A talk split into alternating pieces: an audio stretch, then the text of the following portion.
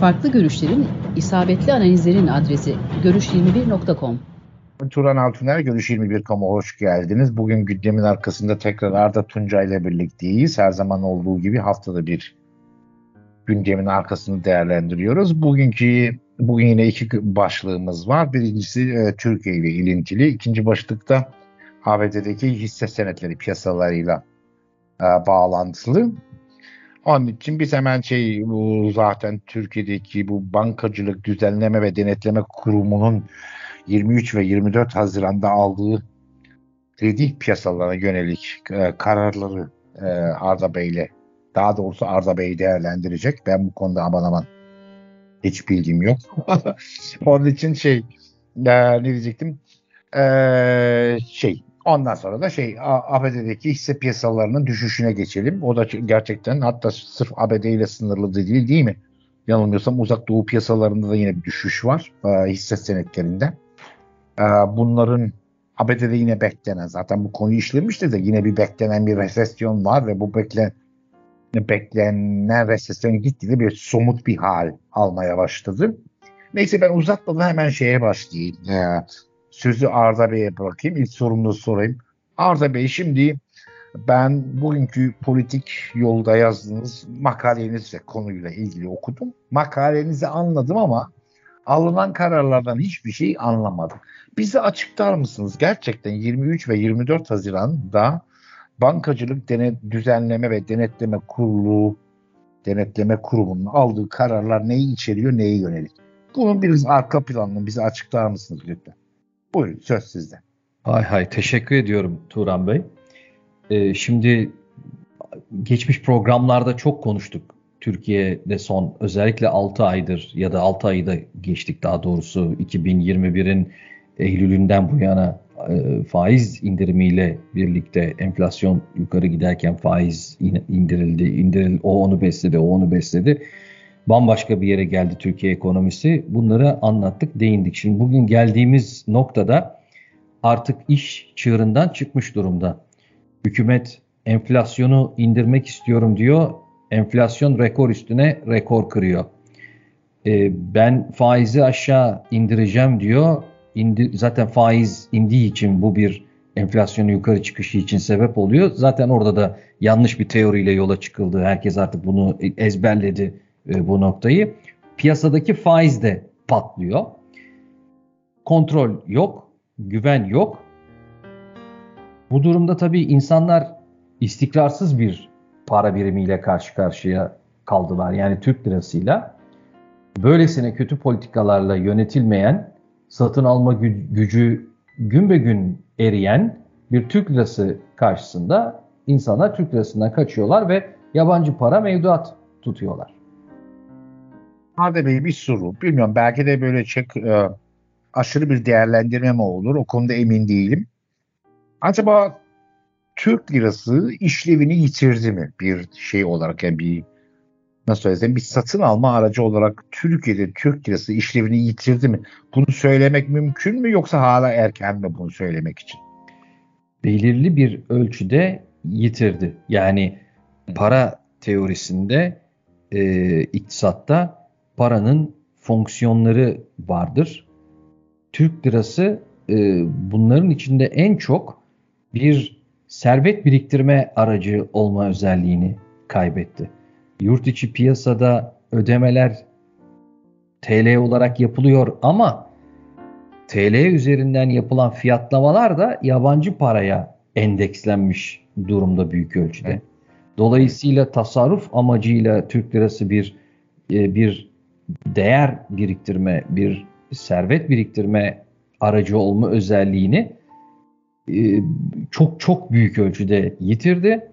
Bir mübadele aracı olma e, görevini de yine çok çok büyük değil ama çok büyük ölçüde yitirdi. Dolayısıyla zaten bir paranın arkasında güvenilir bir kurum ve güvenilir bir ekonomi politikası bulunmuyorsa zaten para aynı zamanda bir para politikasının, ekonomi politikasının aracı olma özelliğine de sahiptir. Türk lirası zaten para politikasının bir aracı olmaktan hepten çıktı çünkü Merkez Bankası yok arayın bulursanız haber verin bana da. Bilmiyoruz nerede. Yok. Dolayısıyla para politikasını yönetmekle e, sorumlu olan kurum burada yok. Resimden dışarı çıkmış durumda. Dolayısıyla yönetilmiyor Türk lirası. Enflasyonu indireceğiz, kurlar aşağı düşecek, faizleri aşağı indireceğiz dendi. Bu dendikten sonra enflasyon patlamış durumda, kurlar patlamış durumda, faizler de patlamış durumda. Ha bu arada bunu gördüler. Yani büyük bir kredi genişlemesinin Türkiye'de faizlerin indirilmesiyle yol açtığı enflasyonun nedenlerinden olan bir unsuru yakaladılar. Şimdi 23-24 Haziran itibariyle açıklanan kararlarla da aşağı çekmeye çalışıyorlar kredi genişlemesini. Şimdi ama bunu da söyleyemiyorlar. Çünkü o kadar iddialı idilerdi ki yani yıllardır, 10 senedir e, faiz sebep, enflasyon neticedir. Gördüler ki hiç de öyle değil. Şimdi başka bir yöntemle faizin de olmadığı bir sistemde bunu yok etmeye çalışıyorlar. İşte o sırada dediler ki 23-24 Nisan, pardon Haziran tarihlerinde bir takım açıklamalar yapıldı. Ee, onların detaylarına girmiyorum ama sonuçlarını anlatacağım.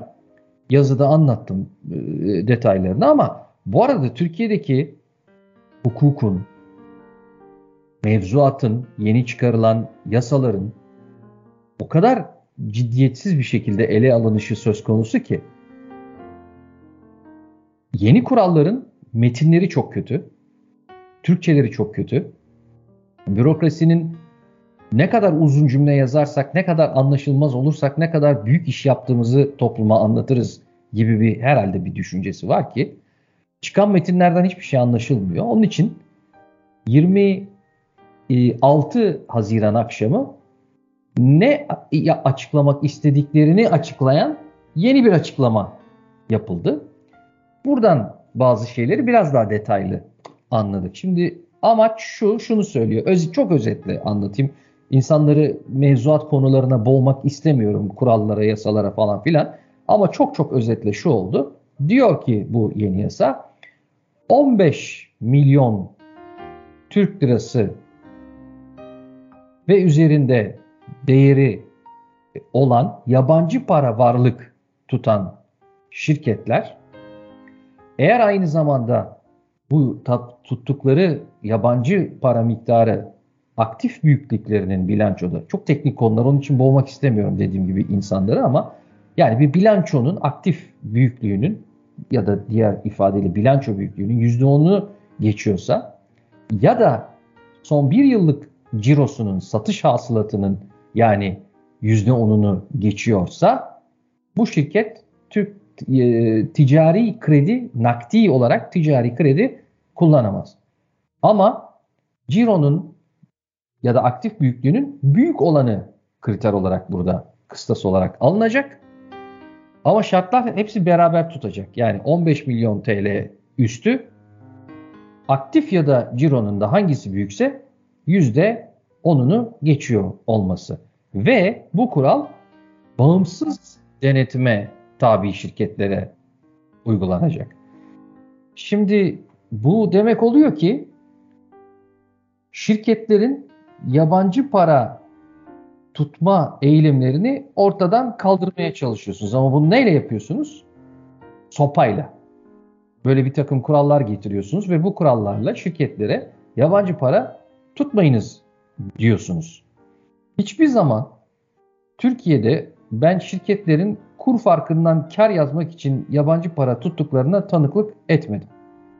Şirketler yabancı parayı piyasada kur çok oynak olduğu zaman bu oynaklıklardan etkilenmemek amacıyla ve Türkiye'nin üretim yapısı gereği ithalat yapmak zorunda oldukları için ithalat yapmak zorunda oldukları önün, önlerindeki günlerdeki ödemeleri garanti altına almak için yabancı parayı alırlar, kenara koyarlar ki üretimleri devam edebilsin. Çünkü Türkiye'nin yapısında, üretim yapısında ithalat yapmak zorunluluğu gibi bir gerçek var.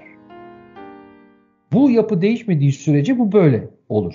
Bir de Türk lirasında enflasyon o kadar yüksek ki paranın satın alma gücü burada eriyor Türk lirası cinsinden. Dolayısıyla insanlar ekonomik gerekçelerle, insanlardan kastım burada şirketler, bu çünkü şirketlere getirilmiş olan bir düzenleme. Şirketler ithalat yapma zorunlulukları da olduğu için yabancı parayı ister istemez hesaplarında tutma eğilimindeler. Arda Bey sizi doğru mu anladım? Yani diyelim ki şey ya aktifinde 1 milyon dolar olan e, ve 15 15 milyon TL olan yani. Karşılığı Bu, karşılığı yani 1 milyon dolar yap. E yani yani e, yani hangi kuru adı ne? 900 bin e, dolar, 1 milyon dolar. Yani bu bir şirket için yüksek bir rakam da değil bu arada bu. Yani elbette, elbette. Hiç yüksek o değil. zaman elbette. Ee, şimdi bunlar gelecek ee, şey eğer farklı bir ithalat daha yani bu var olan aktiften daha fazla bir ithalat gereksinimleri veya döviz gereksinimleri olacaksa gidecekler bu bağımsız şey denetleme şirketlerine diyecekler ki e, biz işte 500 milyon 500 bin dolarlık daha ithalata veya dövize ihtiyacımız var. Bunu bir denetleyin falan filan olacak değil mi? Bunlar evet. onu denetleyecekler. 3 ay içinde bile. Bu da acayip bir şey değil mi? Önümüzdeki 3 ay içinde şimdi bağımsız denetime e, tabi olu, olan şirketlerin eğer bu BDTK'nın açıkladığı kriterlere göre nakdi ticari kredi kullanmaları mümkün değilse yani 15 milyon TL'nin üstünde ya da bir aktif büyüklükleri e, eğer %10'luğunu geçiyorsa yabancı para varlıkları aktifin içinde bu şirketler kullanamayacaklar ama bir istisna tanıyor burada. Diyor ki bana önümüzdeki 3 ay içerisinde nakit akışında döviz açığının olduğunu bana anlat. Diyor BDDK. Şirket de peki anlatayım diyor. O zaman git bir bağımsız denetim ya ben senin dediğine inanmayacağım diyor. Git bir bağımsız denetim şirketinden e, rapor al diyor. Bana getir ispatla bunu diyor. Peki onu da yap yapalım. Fakat bunu bağımsız denetim şirketlerinin önümüzdeki 3 ay içerisinde yabancı para açığı olup olmadığını anlamaları, gidip analiz etmeleri hiç kolay bir iş değil. Çünkü hele hele Türkiye gibi ülkelerde çok açık olarak biliyoruz ki önümüzdeki 3 ay ile ilgili yaptığı bir takım kontratlar, yabancı para cinsinden ne ödeyecek, evet. ne edecek. Bir de yazılı olmayan kuralları da olan bir piyasa Türk piyasası. Bir de onu da ihmal edemeyiz buradan. Hani yabancı para ve ithalat olduğu zaman burada söz konusu ya da başka ihtiyaçlar içinde olabilir. Yani Türkiye'de çünkü öyle bir düzen var ki kimse yabancı yani kimse dolar dışında bir şey mantık bunun dışında bir şeyle hareket etmiyor, düşünmüyor. Ve ona göre hazırlığınızı yapın diyor. Yani sizin kendinizi koruma şansınız kalmamış durumda. Hatta ithalat için bile ihracatçıya gidiyor diyor ki Türkiye ben Merkez Bankası kaynaklarını açtım ama bir ay boyunca yabancı para alamazsın. E ne anladım ben bu ihracat kredisinden? Niye alayım bu krediyi o zaman? Böyle bir yani her taraftan bir baskı altında şu anda sistem. Ama gerçekten hiç anlaşılmaz yani bir rasyonalitesi yok neyse ama ben bu konuların uzmanı değilim ya bu konuların değerlendirmesini Arda Bey'e bırakayım da Yalnız Arda Bey biz sizinle galiba bundan 4-5 e, program öncesi yine bu kredi genişlemesiyle ilgili bir e, şeydi yani onu da konuştuğumuz bir podcast'imiz vardı. Hı hı. Siz orada demiştiniz hatırladığım kadarıyla yanlışım varsa lütfen düzeltin. Dediniz ki millet artık şey yani bazı şeyler e, bazı insanlar veya bazı şirketler kredi alıp onu şey hisse piyasaları piyasalarına yatırıyorlar değil mi? Böyle bir şey vardı. Ama o bireylerle ilgili. Şimdi burası bireylerle. sadece şirketler. Yani onu birbirine Aha. karıştırmamamız lazım. Ah tamam oldu. Evet. Pardon. O da bir o bambaşka bir tarafta bambaşka bir konu. Burası Hadi sadece şirketlerle ilgili bir düzenleme. Burası sadece şirketlerin. Pardon evet. ben. Yani ve bağımsız denetime tabi olan işte bağımsız denetimin de bu arada kriterleri var. Hangi şirketler bağımsız denetime tabi Türkiye'de? Aktif toplamı en az 35 milyon TL olacak. Net satış hasılatı yıllık en az 75 milyon TL olacak. Ya da en az 175 kişi çalışıyor olacak bu şirketlerde. Bu üç kriterin ikisi iki mali yıl üst üste eğer tutuyorsa bağımsız denetime tabi demektir bu şirket. Şimdi e, bu burada durum böyle. Bir de buradan kaçmanız o kadar kolay ki bağımsız denetim dediğiniz en güncel finansal raporları üstünden diyor. Ve bunlar bağımsız denetime tabi. Şimdi Türkiye'deki şirketler borsaya kote iseniz eğer Mart, Haziran, Eylül ve Aralık aylarında bağımsız denetim raporu üretiyorsunuz, çıkarıyorsunuz bağımsız denetim şirketlerinden. Ama borsaya kote değilseniz sadece Aralık ayında ve bağımsız denetim yaptırmak zorundaysanız sadece Aralık ayı verileriyle bağımsız denetimden geçiyorsunuz.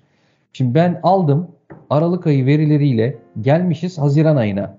Ben Haziran ayında şimdi hangi kriterle zaten aylar geçmiş aradan ee, ve ben gidip buna göre mi yani BDDK'nın kendi amaçladığına da bu burada ulaşması mümkün değil. Onun zaten amaçladıklarıyla mutabık değilim ben iktisat e, iktisadi mantıkta ya da bir ekonomi politikası yönetimi çerçevesinde bu işler sıkılaşma yapılacaksa bu işleri Merkez Bankası yapıyor olmalıydı. Merkez Bankası'nı çıkardık resimden BDDK'yı soktuk ama BDDK'nın kendi istediklerini dahi bunlarla gerçekleştirebilmesi mümkün değil. Zaten nitekim bağımsız denetim şirketleri hafta içinde BDDK'dan randevu aldılar. Gittiler bir kısmı ve dediler ki biz bu işin altından kalkamayız. Çünkü öyle bir yük getirdiler ki ve bakan aynı hafta içinde bunlar geçici uygulamalardır diyor. Şimdi geçici uygulama için bağımsız denetim şirketlerini özür dilerim böyle bir yükün altına soktunuz. Bu insanlar, bu şirketler bu işlerin altından kalkabilmek için yeni organizasyonlar kuracaklar. Yeni insanlar işe almak zorundalar. Ve geçici diyorsunuz birkaç ay sonra hadi bitti mevzuat kalktı güle güle arkadaşlar mı diyeceksiniz aldığınız her şirket. Bilmiyorum tabii kaç kişi 100 kişi 150 kişi aldı bu işe. 6 ay sonra mevzuat sonlandırıldı geçerlik süresi bitti sizi işten çıkarıyorsunuz diyeceksiniz. Orada kurduğunuz organizasyon yapısını ortadan kaldıracaksınız falan filan. Bu, bunları yapar mı? Artı bağımsız denetim şirketlerinin şirketlere verdiği yani müşterileri olan şirketlere vermiş oldukları hizmetten dolayı da şirketlere de bir takım maliyetler getiriyorsunuz bu arada. Bu hizmetleri elbette ki bu şirketler bedava yapmayacaklar. Dolayısıyla çalışabilmesi de zaten bunun hiçbir şekilde mümkün değil. Yani bu kararlarla böyle bir şey yapabilmek, engelleyebilmek mümkün değil. Hemen mevduat toplamına da rakamlarına bakalım. Burada şirketleri hedeflediler. Şirketleri hedefledikleri yerdeki yabancı para mevduat rakamı 79.8 milyar dolar ne zaman 30 Haziran tarihli Merkez Bankası verilerine göre özür dilerim 23 Haziran tarihli Merkez Bankası verilerine göre artı bir de şirketlerin dışında bireylerin var. Burada hedeflenen işte bu 79.8 milyar dolar. Yani şirketleri kendi kararlarını aldırmıyorsunuz. Onların dolar yerine hesaplarında TL tutmalarını ve ihtiyaçları olduğu zaman dolar ya da euro alabilmelerini sağlayacak, Türk lirasına güven getirecek mekanizmaları oradan ortadan kaldırmışsınız. Türkiye üretim yapısı gereği ithalat yapmak zorunda ve bu şirketlere şimdi bozun dövizinizi diyorsunuz.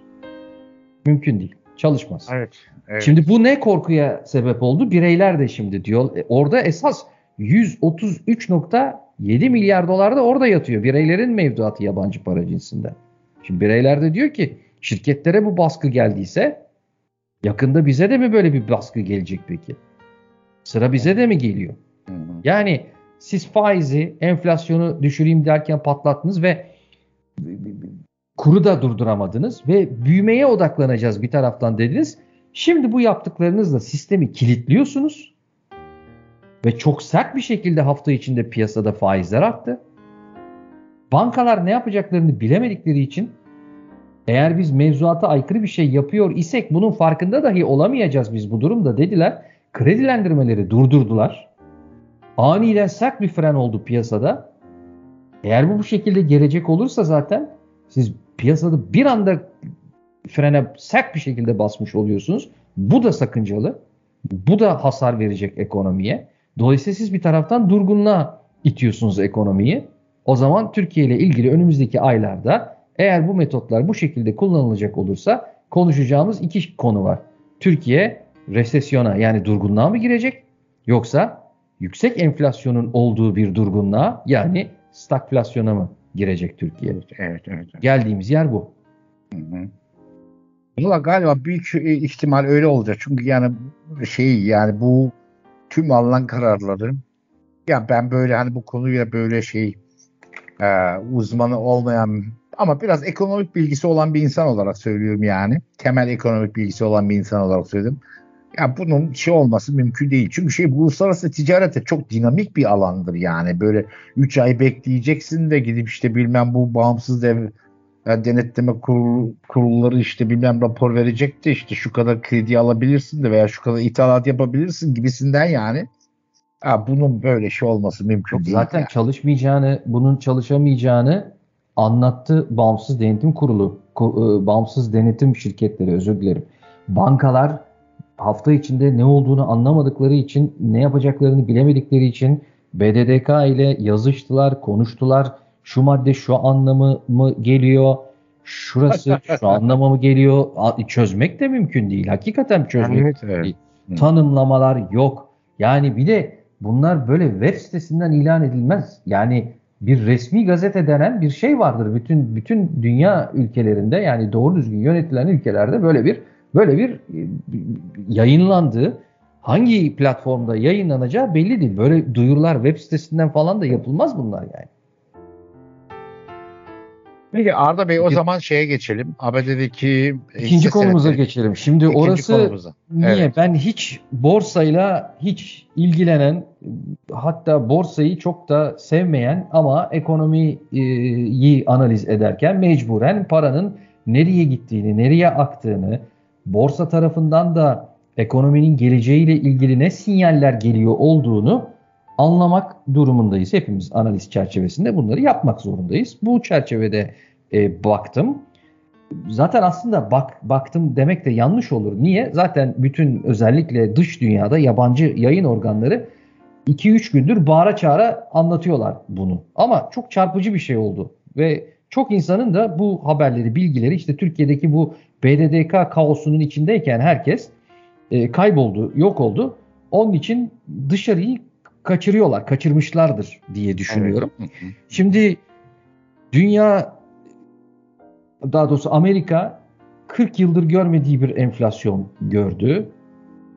1994'ten bu yana yani 1994'ten bu yana 28 yıl oluyor değil mi? 28 yıl sonra en yüksek faiz arttırımını gerçekleştirdiği e, bir zaman dilimine girdi. Ve arkasından da dünya acaba 1970'lerdeki stagflasyon dünyanın ilk kez gördüğü yani durgunluk içinde enflasyon koşullarına geri mi dönüyor derken S&P 500 Amerika'da ilk 6 ayında gerçekten 1970 yılından bu yana en kötü performansını gösterdi. %20.6'lık bir düşüşle. Hı hı. Bu bir resesyon sinyali mi? Evet bir resesyon sinyali. Dow Jones 2022'nin ilk 6 ayında %15 düşüyor. Amerika'da bu ise 1962 yılından bu yana. Yani kaç oluyor? 60 sene oluyor değil mi? 60 yıl önce son 60 yılın en yüksek düşüşünü görüyor. Nasdaq yine 2022'nin ilk 6 ayında %33 düş pardon 30 düşüyor. Bu da Nasdaq'ın tüm zamanlarının en yüksek düşüşü. Ve Amerika ilk çeyrekte %1.6 küçülmüştü. İkinci çeyrekte de küçülmesi olasılığı önemsenecek ölçüde bulunuyor. İki çeyrek üst üste küçülme pek çok iktisadi tanıma göre bir resesyon ifadesi oluyor. Yani resesyon anlatıyor, resesyonun olduğunu anlatıyor. Ve dolayısıyla belki Amerikan ekonomisi resesyona girdi bile. Belki. Göreceğiz bunu. Yani iki çeyrek üst üste küçülme oldu mu olmadı mı ama bütün veriler pek çok başka veriyle birlikte güven endeksleri Amerika'da Amerika'nın bir resesyona girdiğini ya da bu yılın içerisinde bir yerlerde girecek olduğunu artık bize anlatıyor. Bütün veriler son 40 yılın, 50 yılın, 60 yılın en yükseği, en düşüşü ne konuşuyorsanız, hangi konu başlığını konuşuyorsanız konu başlığına göre bize son 40 yılın, 50 yılın, 60 yılın verileri olarak karşımıza çıkıyor. Yani hiç normal bir dönemde değiliz veriler açısından.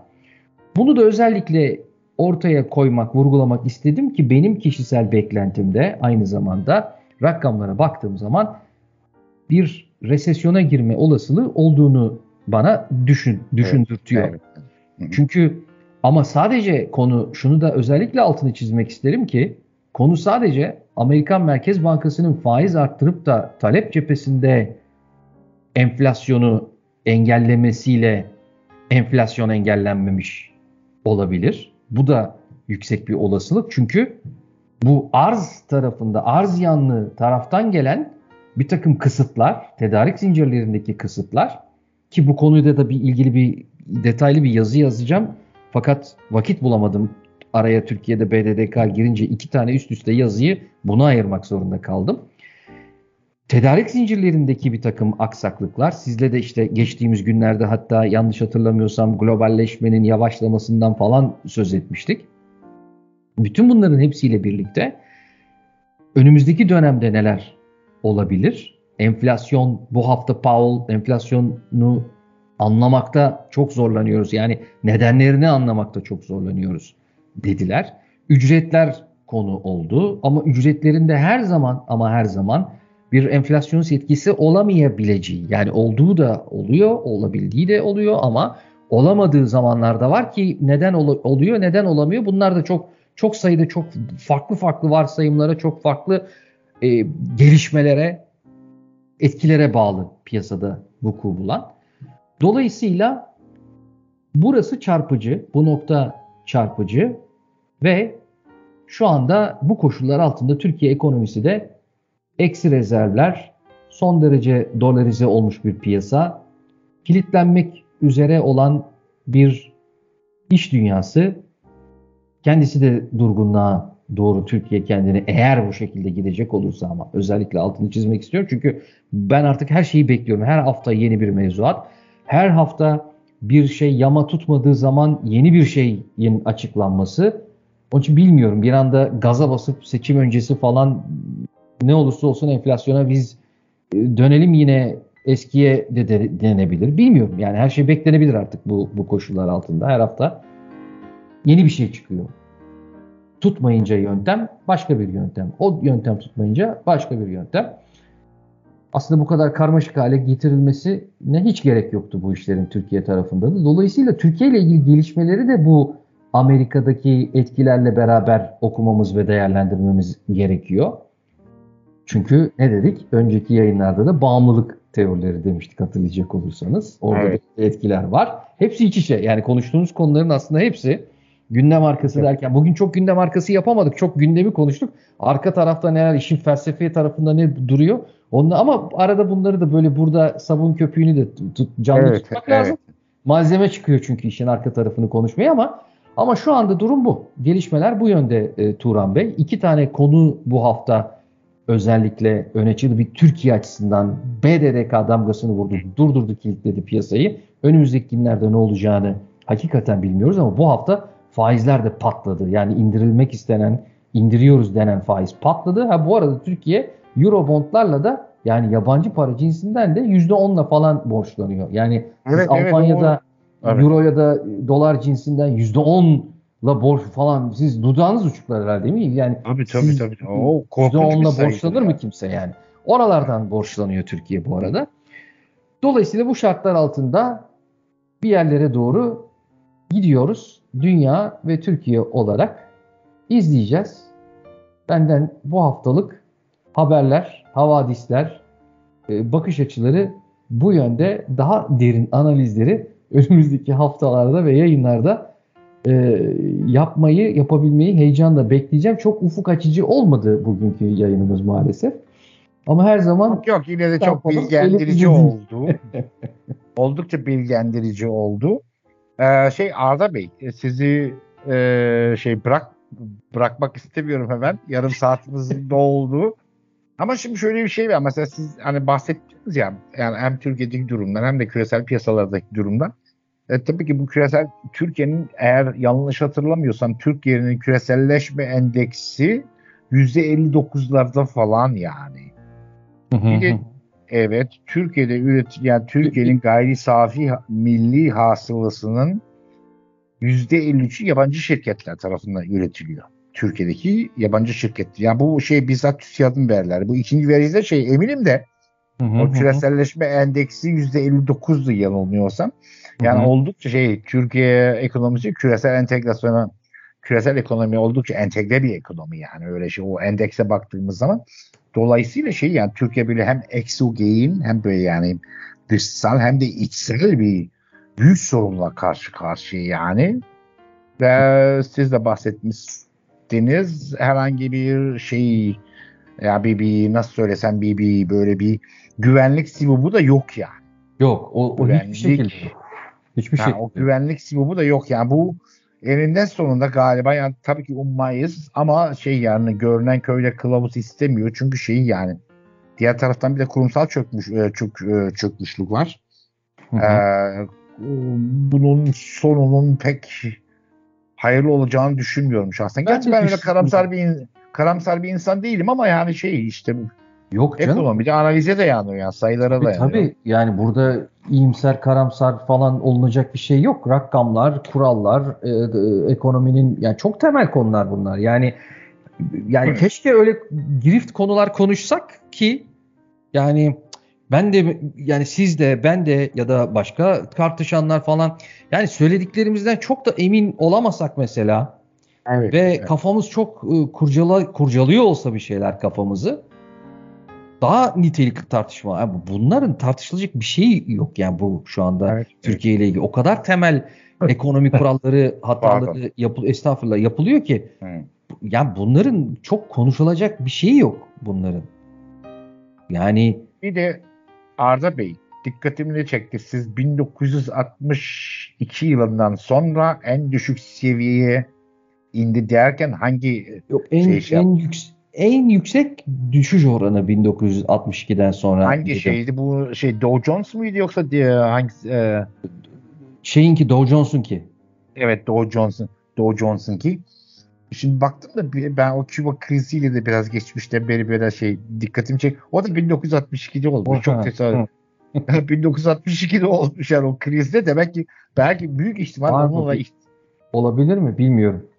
Ha, Onunla başka araştırma olabilir. Kafamıza. Şimdi hiç Çünkü aklıma şey, gelmemişti bu açıkçası. Yeni evet, bir evet, şimşek. Siz söylerken 1962 aa, Küba doğru doğru ince, incelemek lazım. Yani birebir korelasyon arada ne kadar ya da yüzde kaçtır aradaki korelasyon bilmiyorum ama e, çok mantıklı. Yani ola, olabilir. Varsa Onu ben de bilmiyorum ama siz söylerken öyle Küba evet, krizi tabii. aklıma e zaten geldi. araştırma nereden çıkar? Şüphe etmekten. Şüphe ettiğiniz için araştırırsınız. Evet. Şimdi de Ukrayna krizi var yani ilginç yani. Evet. evet, evet. Okay. Ama ya, ya, tabii bu seferki yani Covid-19'dan çıkış var. Ee, Rusya Ukrayna var. Çin'in bir taraftan ben evet. deyişi var. Var var var. Bir sürü bir sürü bir şey var yani şu anda. Yani NATO NATO önemini kaybetmişti. Ne gerek var buna falan diyorlardı. Trump çıkacağım ben buradan falan diyordu. NATO dirildi bir anda.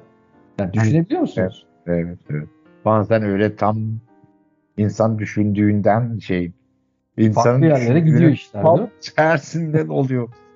Ukrayna savaşı başlamadan önce ben böyle şey e, Twitter'da yazmıştım. Ya demiştim gidin yatın savaş mavaş olmaz hadi rahat rahat yatın. Aradan 3-4 gün geçti. Yani benim dediğimin tam tersi işte öyle. O kadar kapsamlı herkes de, yani uzmanları bile diyordu ki şey yani bu şeyle böyle bu savaş böyle Donbas'la sınırlı kalır da Batı Ukrayna bilmem Merkezi Ukrayna her taraf birden tabii, böyle evet, kapsamlı evet, bir evet. askeri müdahaleye şey e, tabi oldum. Çok Bazen... çok enteresan zamanlar yani çok tarihi evet. zamanlar yani. Evet. evet. E, izleyeceğiz. Peki. Peki. Arda Bey katıldığınız için çok çok teşekkür ederim. Ben teşekkür ediyorum. Ben çok teşekkür ederim. Ee, değerli e, dinleyiciler Arda Bey bizim Arda Bey biraz şeydir. Oldukça alçak gönüllü bir değerli yazarımızdır, değerli bir yorumcumuzdur. Ee, oldukça bilgilendirici bir şey, e, bir yayın oldu yine. Yine arka epey arka plan bilgisi vardır yani. Ee, onun için siz e, şey yani bizim Arda Bey'in e, bu yüksek şeyleri olduğu için kendisine yönelik yüksek beklentileri olduğu için de Aa, aman aman olmadı. Bugün hep güncel konuştuk. Arka planı değerlendiremedik demesine fazla da takılmayın. Biz yine epey gündem arkasında takıldık. Okey. Peki. Arda Bey kendinize iyi bakın. Gelecek hafta görüşmek üzere. Görüşmek üzere. Hoşçakalın. Hoşçakalın. Okey. Farklı görüşlerin, isabetli analizlerin adresi görüş21.com